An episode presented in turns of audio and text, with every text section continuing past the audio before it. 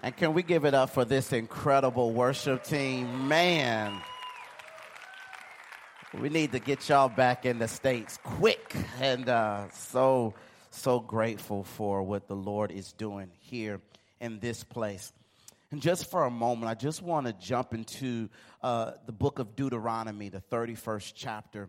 And, and, and I want to jump in this chapter today because, again, just building off of what um, our pastor shared with us yesterday and, and this, this ideal of us passing the baton, the understanding that we have multiple generations in this room. And as we have multiple generations, it's important that the younger generation understand that your time is now. Your time is, is not years from now. Your time is not days from now. It's not months from now. Your time is now. And many people in um, this room, and many of the young people in particular, will say, "Well, you know what, Jeff? That sounds good, Pastor Martin. That sounds good, but but I am afraid. I am afraid because in my life, you don't know the the things that I go through, the struggles that I have."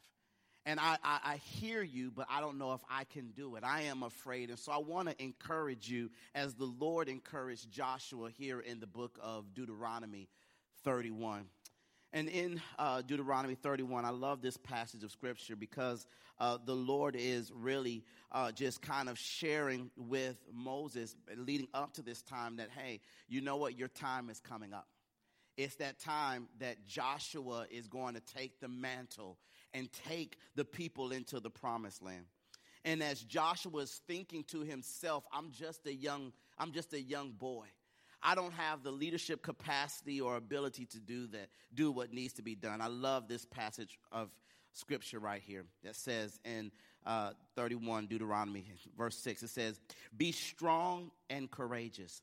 Do not be afraid or terrified because of them. For the Lord your God goes with you. He will never leave you nor forsake you. Now, I can really drop the mic right there because we know that in this life, as we are challenged to do the ministry that the Lord has called us to do, that we don't have to be afraid but we can be courageous. We can be strong. Why? Because two things. One, the Lord has already gone before you. And then number two, he said that he'll never leave you or forsake you. In verse number seven, that's right. In verse number seven, he says this Then Moses summoned Joshua and said to him in the presence of all Israel, Be strong and courageous, for you must go with this people into the land that the Lord swore to their ancestors to give them. All right. So here we have right now that there is a burden that is on the generations that has come before the young generation. And there is this promise that is given to the ancestors, to the people right here. And, and, and we know that as the older generation, man, we are burdened to see the mission that the Lord has put on our heart, the mission that the Lord has put on our heart. We want to see it come to pass. And so there is this, this, this mandate that the Lord is telling Joshua, hey, there is something, there is a promise that's been given to your ancestors that you have to fulfill. And he says, uh, Be strong, courageous. You must go um, with the people into the land the Lord swore to their ancestors to give to them, and you must divide it among them as their inheritance. The Lord Himself goes before you, and He will be with you. he says again, he will never leave you nor forsake you. Do not be afraid. Do not be discouraged. Can I just tell you for a few moments, there is something that is impossible for the Almighty God to do. Believe it or not, there, I know that's going to mess up your theology, but I want to talk about the things that are impossible for God. Whether you know or not, I know we're talking about the Almighty, all knowing, all loving, perfect God, but there is something that is impossible for God to do. You want to know what it is? It is impossible for him to leave you or forsake you. It is, it is impossible. It is impossible for him to stop loving you. It is impossible for the promise that He has put in your life not to come to pass. It is impossible for God to do what He said He was going to do. If, he, if, if He's giving you a promise, you can take it to the bank. If he's told you something, can I tell you, it will come to pass. And, and this is the promise that we want to live in today and the understanding of knowing that when I surrender my life to Jesus, there is, there is some things that happen. There's a shift that takes place in my life because I know that I can surrender my life to Jesus because his heavenly father, God, would never leave me nor forsake me.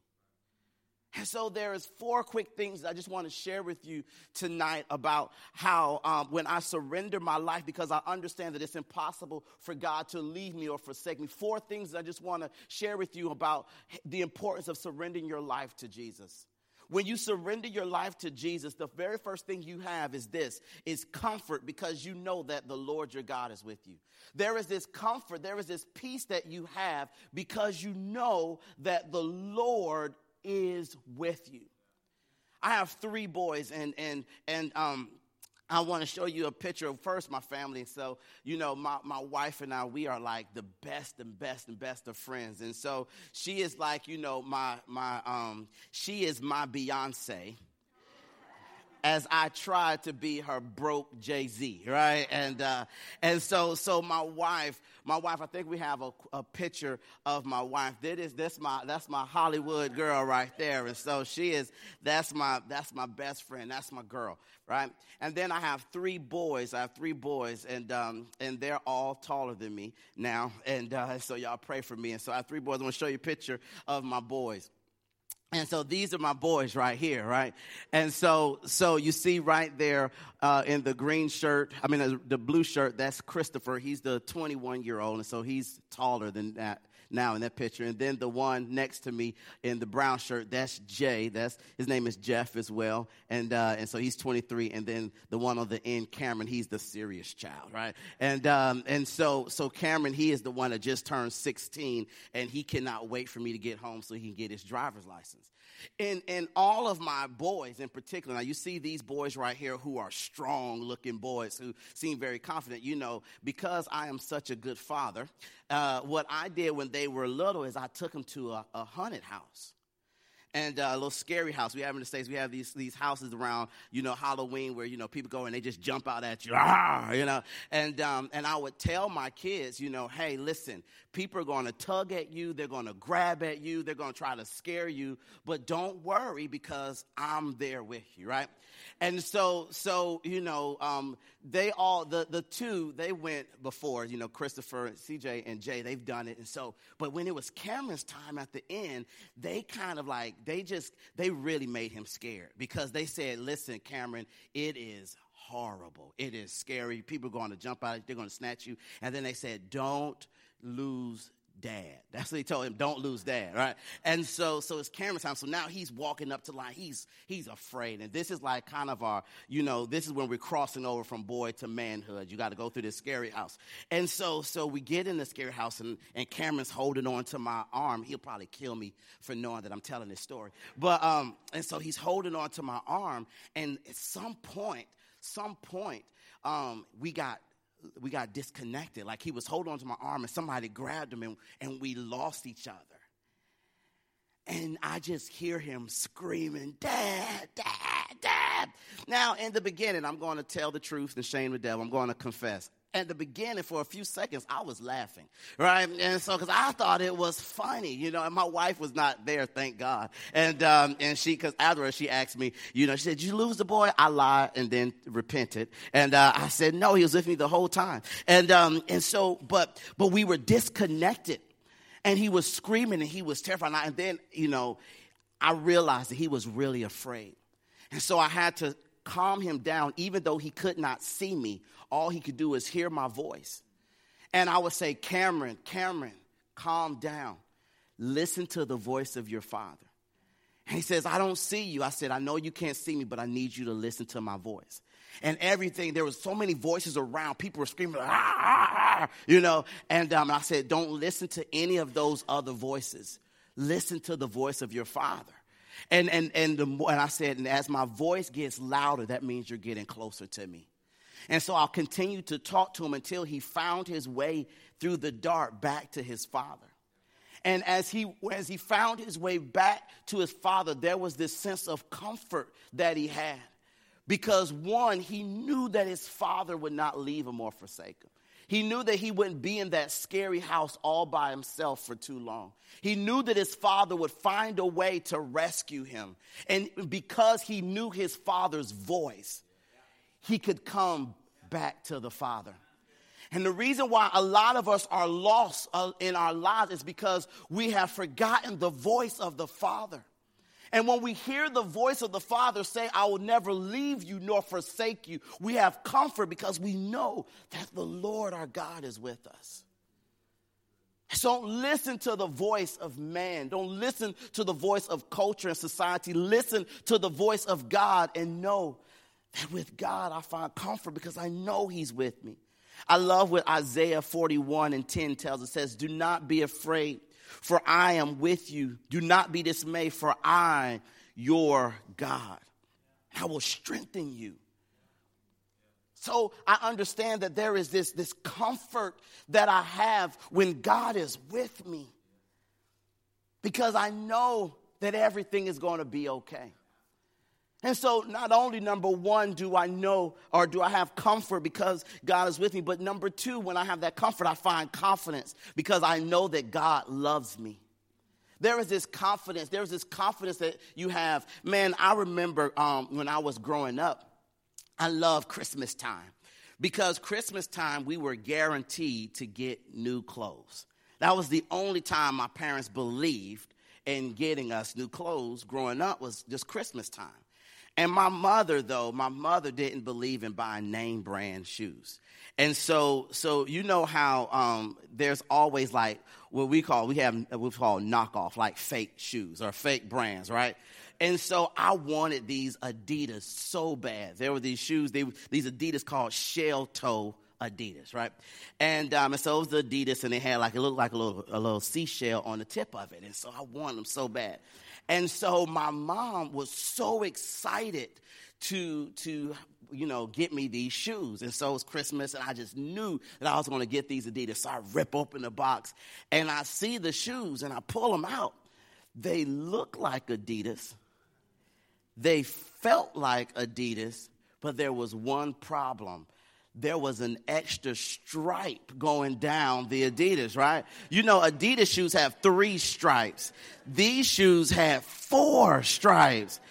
And so, yes, yes, yes. And so I told my mom, I said, Mom, what are these, right? You know, like, what are those? Like, like what, what are those shoes? And she was like, you know, these are the shoes that you said you wanted. I said, no, ma'am. Um, I wanted some Adidas. These are fake Adidas. And here's my mother's response, as only a good mother can do. She says, The shoes don't make the man, the man makes the shoes. And I was like, Tell that to my four stripe fake Adidas shoes, right? So then my mother, she gets, you know, um, she gets because they were they were black shoes, and the white stripes. So she was, you know, she saw that I was frustrated. So she gets a little black Sharpie marker. True story, y'all. And she she marched through the Adidas. I said, "This is good, except for when it rains, right?" And uh, and so so, but what was so what my mother was trying to help me understand was that things externally, it's not what makes us because things that are external on the outer, they're going to change. Fads and fashions and trends, they will change.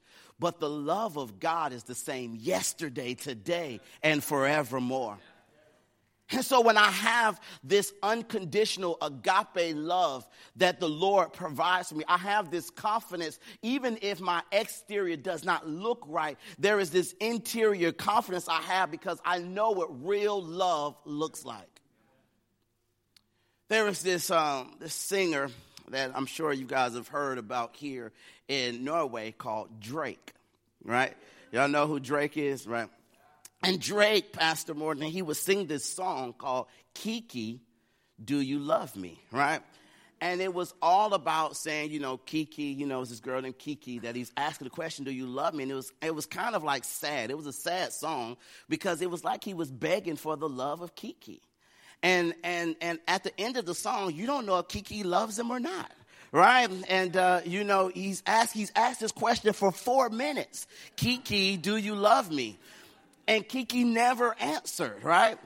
And and everybody's sitting around and they're asking the question. So then it became a trend and a fad. Like everybody's asking, Kiki, do you love me? Do you love me? Do you love me? Who is um, who is Kiki? And um, but the point is, is that so often we look for love in all the wrong places because we don't put ourselves in position to experience real love. And when we know that the Lord will not leave us or forsake us, we have that confidence because we know that God is with us, but we, we, we, we also have confidence of knowing that the Lord loves us.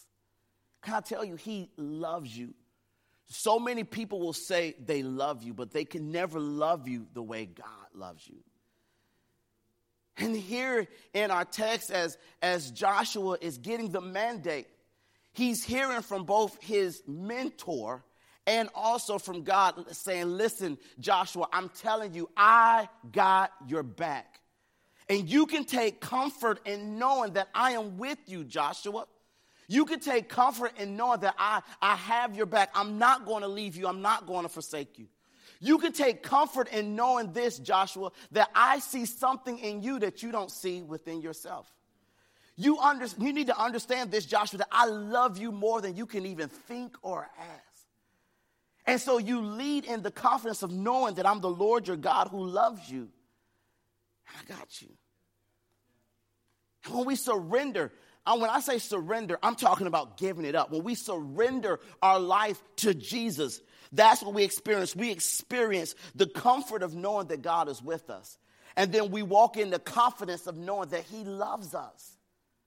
Man, the other part of the other part of the story about my fake Adidas is that whenever I had on a good outfit, right, a clean outfit, a new outfit, you know, there was something, there was a confidence. You ever had like a new outfit on, and and when you wore the new clothes, like you you walk differently, right? You know, I don't know, maybe it was just me in school, but whenever I had on a new outfit, there was a different type of confidence that I had, you know, and so I walked into school like, bang, here I am right?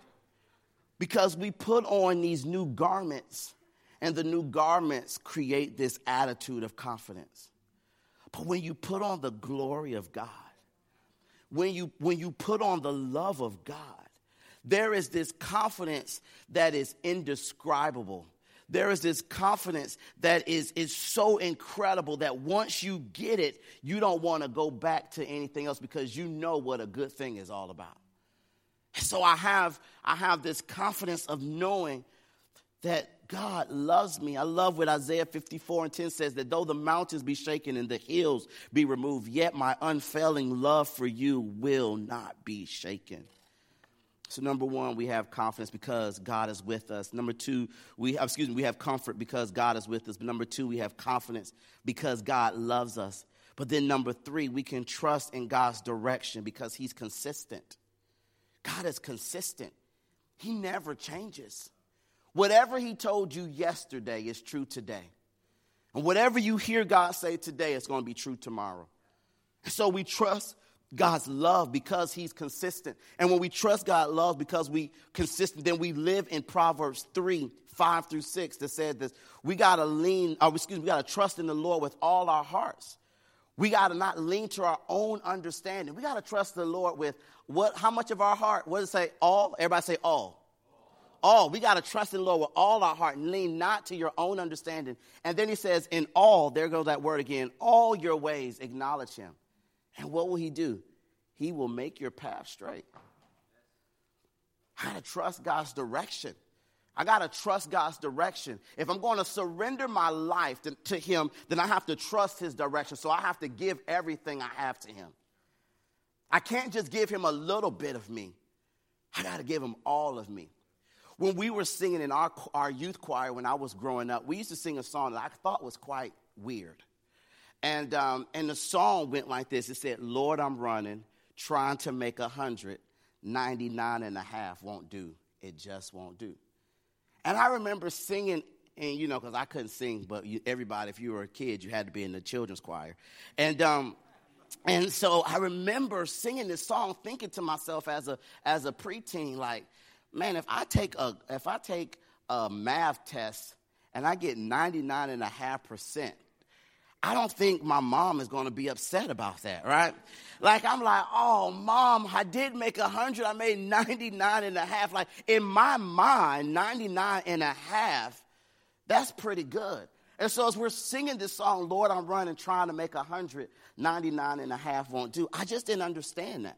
But as I grew and matured in my faith, I realized the reason why the Lord wants us to totally surrender our lives to Him is because that half percent that we keep open, we keep a gateway open for the enemy to come and to penetrate our hearts and our minds. And so the Lord doesn't even want 99 and a half, He wants all of you. He wants all of you. And so I can't lean to my own understanding, but in everything that I do, I got to acknowledge God because He will make my path straight. So I got to trust God. I can't trust myself. I can't trust society. I can't trust culture. I got to trust God with everything that I have. When I trust God with everything that I have, can I tell you, there is that peace that surpasses all understanding. When things are going crazy in your life, it's all good because you trust God's direction. When things are going really, really good in your life, you don't get too over the top with it because you're still just trusting God's direction. When things have, when you've kind of plateaued and it's more of the same, you don't get frustrated because I'm trusting God's direction. The question for everyone in here today is do you trust God's direction? Because if we don't trust God's direction holistically and wholly, what that is, it's like having faith with the backup plan. What that means is that God, you know what, I'm going to live for you as long as it's convenient for me. But at the moment it becomes inconvenient for me, deuces, I'm out. So, Joshua here, he had to be all in. Joshua watched his mentor, Moses, get the people halfway there. And Moses was a great leader. And Joshua was thinking, man, if Moses couldn't do it, how am I going to do it? And the Lord told uh, Joshua, he told Joshua, man, you can't look at Moses' life because Moses' life was for Moses. You got to look at your life and you got to trust what I'm telling you. And I'm telling you, I won't leave you and I won't forsake you. It was in the plan, it was in God's plan that Moses would take the people to this point. Joshua's responsibility to carry it on. And Joshua couldn't look around him. He had to trust God's direction for him. So we got to find comfort when we surrender our lives to God. We got to find comfort because we know that God is with us. We find this confidence because we know God loves us. We number 3, we trust in God's direction because he's consistent. But then number 4, we have hope because we know that God is at work in us. I tell you there is something that God wants to do in you and through you. And because we know that, we find this hope. We have this hope because we know that God is working on the inside of us. And when God is working in you, man, you just, even though you don't understand what all is going on, you trust God's direction for your life. And so you keep pushing. I love, I love this, this imagery of, of, of Moses and God and Joshua kind of in this, this three person dialogue. Because the Lord first tells Moses, hey, you know, your time is up, you're about to die, right? And you've taken the people oh so far. And Moses and, and the Lord, I'm imagining they're having this conversation like, well, you know, we got to let Joshua know it's about to be his time, right? And, and, and so as they're talking to Joshua, I'm sure Joshua was a little bit concerned because he didn't feel like he was adequate or adequately prepared for the moment. But because the Lord told him, hey, I'll never leave you, I'll never forsake you, I'm always going to be with you. Joshua found hope in that. And he knew that the Lord was working inside of you. Hey, all of, if you are 18 and older, just stand, I'm under, excuse me, 18 and younger, stand up really quickly. 18 and younger. If you're just under 18, keep standing. All right, 18 other. I'm not going to embarrass you. I'm not going to tell you come here and finish preaching, but you could. And um, 18 hundred, keep standing. So, what if I told you that your job is to take the baton that Pastor talked about last night and to take the people into the promised land. Who are the people? They're your friends, they're your family members, they're people in this church, they're people that you will see in the streets. Your job is to trust in God with all your heart and lean not to your own understanding. Your job is to love Jesus within a, within a world that tells you you really shouldn't. Your job is to be the mouthpiece of God. You know, the greatest marketing tool any church can have to get people to come to church and to come to Jesus are the people that are standing right now. There are people that you know right now that are lost, yes? Are people you know right now. Think of one lost person that you know right now. Question is, what are you doing about it? And your job is to give up your seat and to put somebody who's lost in it. And if you don't make that commitment, then what you're saying is god i'm not going to i'm not going to believe that you have something great for me to do. I'm not going to find this hope of knowing that you're working inside of me. And can i tell you you are not too young to be ambassadors for the king of kings and the lord of lords. Your voice is needed. You matter not just to us but you matter to the kingdom of God. And the angels in heaven are waiting to stand and applaud for all of the people that you bring into this place, asking, What must I do to be saved? How, Jeff, do I share my faith? Tell your story. How did you get to this point? You don't have to read from Genesis to Revelations before you can get somebody saved. Just say, hey, listen, I was once a person who was lost. I was a sinner in need of a Savior. And I don't know, man, that one day I went to this church or I listened to this person and something got a hold of my heart. I don't think I deserve the love, but he gave me love anyway. And if the love of God can change my life, trust me, I know it can change yours. I just want to invite you to come and kick it with me in church. We got a cool pastor, we got some cool people. We even have pizza, right? but you got to make sure that you come. And that's how you grow the ministry, and be the Joshua generation that the Lord has called you to be. It is your time, Joshua, to take the people into the promised land.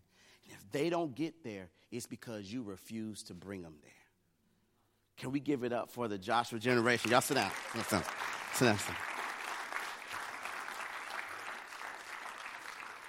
So, what does that mean for, for your life? Number one, really quickly, is this we got to stop looking to other things for comfort and focus on God. It's number one. You see it right there. We got to stop looking to other things to bring us comfort and to bring us hope and to focus on God. But then, number two, you see, we got to take advantage of the boldness that we have in Christ. We have to be bold and courageous. Can I tell you, if, if you know that the Lord your God said, I'll never leave you and I'll never forsake you, there is a sense of boldness that you have. We were talking about at dinner tonight. I have a, a big brother who is seven years older than me. And my big brother, he was a bad dude. Like he was a fighter, right? He fought, and everybody in the neighborhood was scared of him right? And so whenever, whenever my big brother was around, I would talk a lot of smack, right? Like I would just be like, yeah, yeah, yeah. Why? Because I knew that my big brother would handle things, right? And I wasn't afraid when my big brother, now when my big brother wasn't around, I was quiet, you know. Um, but when my big brother was around, I knew that the fight was fixed because he was going to handle things. And so there was a boldness that I had when my big brother's around. But can I tell you, I know one who is even greater than my big brother, and his name is Jesus. And because Jesus is in the building, because he's here, you can have a sense of boldness and you can be courageous and you can take comfort in knowing that Jesus is with you. So you don't have to worry. So that leads me number three, you got to take some risk. You got to take some risk. You got to speak to people who you're scared to speak to. You got to you got to cut some people off that you need to cut off. There are people in your life that are either assets or the people in your life that are liabilities. You got to figure out which one is which or who's who. And you got to bring the assets close to you and you got to cut out the liabilities. So you got to take some risks. You got to take some risks. Do something that is out of your comfort zone and within your calling. And live the way the Lord wants you to live. Then, number four, you want to celebrate the process. We already talked about that God is working on the inside of you. You know, there's a three step process of maximizing your greatness and living this out. And here in five minutes, I want to show it to you. I want everybody, first and foremost, just to point up. Everybody, point up, point up, point up, point up. Keep your fingers up right quick. Now, the first thing that you got to do is you got to grow upward. And that means you got to know God for yourself. The first process, the first process of becoming a world changer is to grow upward. So when I grow upward, I'm saying, God, I know you for myself. And then the second thing I want you, I want you to point in, point at yourself. When you grow upward, the second thing that you do is you grow inward. You begin to own your faith. It is yours. So when I know God for myself, then I begin to own my faith. And then when I want you to point out, point out, everybody point out. When I own my faith, you know what I do? I make my faith known to others. Right? So I got everybody point up. You got to know God for yourself. Everything about Him, you got to know Him from yourself. Whether you hear a great sermon from our pastor or not, you got to grow upward so that you can too then in turn you can grow inward. Then you begin to own your faith. Nobody can take it away from you. People will try to take a lot of things from you but they can't take your faith from you because it's yours. And why? Because we need you to grow outward so you can make your faith known. So every sanctuary here in norway will be filled as people come hungry wanting to hear the gospel of jesus christ. It's your job now to grow up so you can grow in, so that you can grow out. But if you don't know him, you will never be able to make him known to others. If you don't own it, it won't feel authentic. And then if you try to just go and make him make him known to others and you've not grown up or in, people will be able to smell a fake and a phony a mile away. What is needed in the church of Jesus Christ today is real Christians who are going to be bold and courageous about this thing called the gospel, who are going to live their life faithfully in private so it can be fruitful in public. And far too often, when the lights are on, we're on. And when the lights are off, we're another person. And the Lord is saying, No, when you grow upward and you experience me and you encounter me in a very real and relevant way, it changes your life forever. And when you experience me for yourself, then you want to own it because you're like, man, I want that for myself.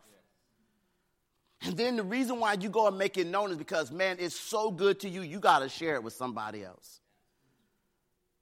Man, you got to grow up so you can grow in, so that you can grow out.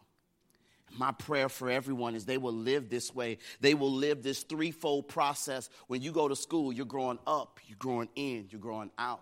When you go to college, you're growing up, you're growing in, and you're growing out. When you go to work, you're growing up, you're growing in, you're growing out. When you're at that place of retirement and you're enjoying the fruits of your labor, you're still growing up so you can grow in, you grow out. And when you get to this place, when you get to this place every week, we got to bring out chairs because of the step number three that we've grown out. Who do you know needs to be here? And what are you doing about it? It's one thing to know somebody needs to be here, it's another thing to make sure that they get here. That's your challenge. That's your mandate is to know hey, listen, I know that the Lord said He'll never leave me or forsake me. I know that the Lord said He's going to always be with me. So I have this comfort of knowing that God is with me. I have the confidence of knowing that the Lord loves me. I trust in God's direction because He's consistent. I have this hope. I have this hope of knowing that God is working in my life. Man, when you do it, I'm telling you guys, it is game changing. All I'm saying is just try it. You know what? All, here's, here's the thing I trust God so much, I'm just double dog daring you to try it and watch God change your life forever. Man, my prayer for this place, for this ministry, is every head is bowed, every eye is closed. That we collectively will be who God has called us to be. Can I just tell you as I pray, get ready to pray, that I feel the Spirit of God all over this church. And I don't know, I just feel the need to continue to reiterate that in order for revival to take place, man, it starts with the Moses generation that is left and the Joshua generation that's emerging. Collectively, let your voice be heard so that from every corner of this beautiful place, the gospel is being heard. Jesus, we love you. We adore you. We honor you. And our prayer today is that you will give us a spirit of boldness, that we will be courageous, that we will not be afraid to go out and to make your name known to everyone we come in contact with. And God, our prayer is that we will, at this moment right here, God, make a commitment that we're going to grow up. We're going to grow up. We're going to grow up. And we're going to get to know you. We're going to know everything about you so that we can, in turn, grow inwardly, Father, so that we can own our faith. God, we want to own it. We want to own it, God. We don't want to rent it. We don't want to borrow it. We don't want it from somebody else's. God, we want to own our own faith. God, because you've called us all with a unique gift and purpose so that we, in our own way, can uniquely go make your name known to others. So I pray for every individual. I pray for every student, every youth, every adult, those who are single, those who are married, every son, every daughter, every employee, employer. God, everyone under the sound of my breath, God, I pray right now that they will begin to understand who they are in you and that they will not be ashamed to carry your word as their banner, their lifestyle, and their mandate. God, I thank you for what you are doing here in this place. God, I pray that you will blow their minds in the next coming days and weeks, months, and years. That you will blow your breath on this ministry like never before. And that your anointing will fill the sanctuary Sunday after Sunday after Sunday. Thank you for what you're going to do. Thank you for how you're going to do it. In your son's precious name we pray. Amen.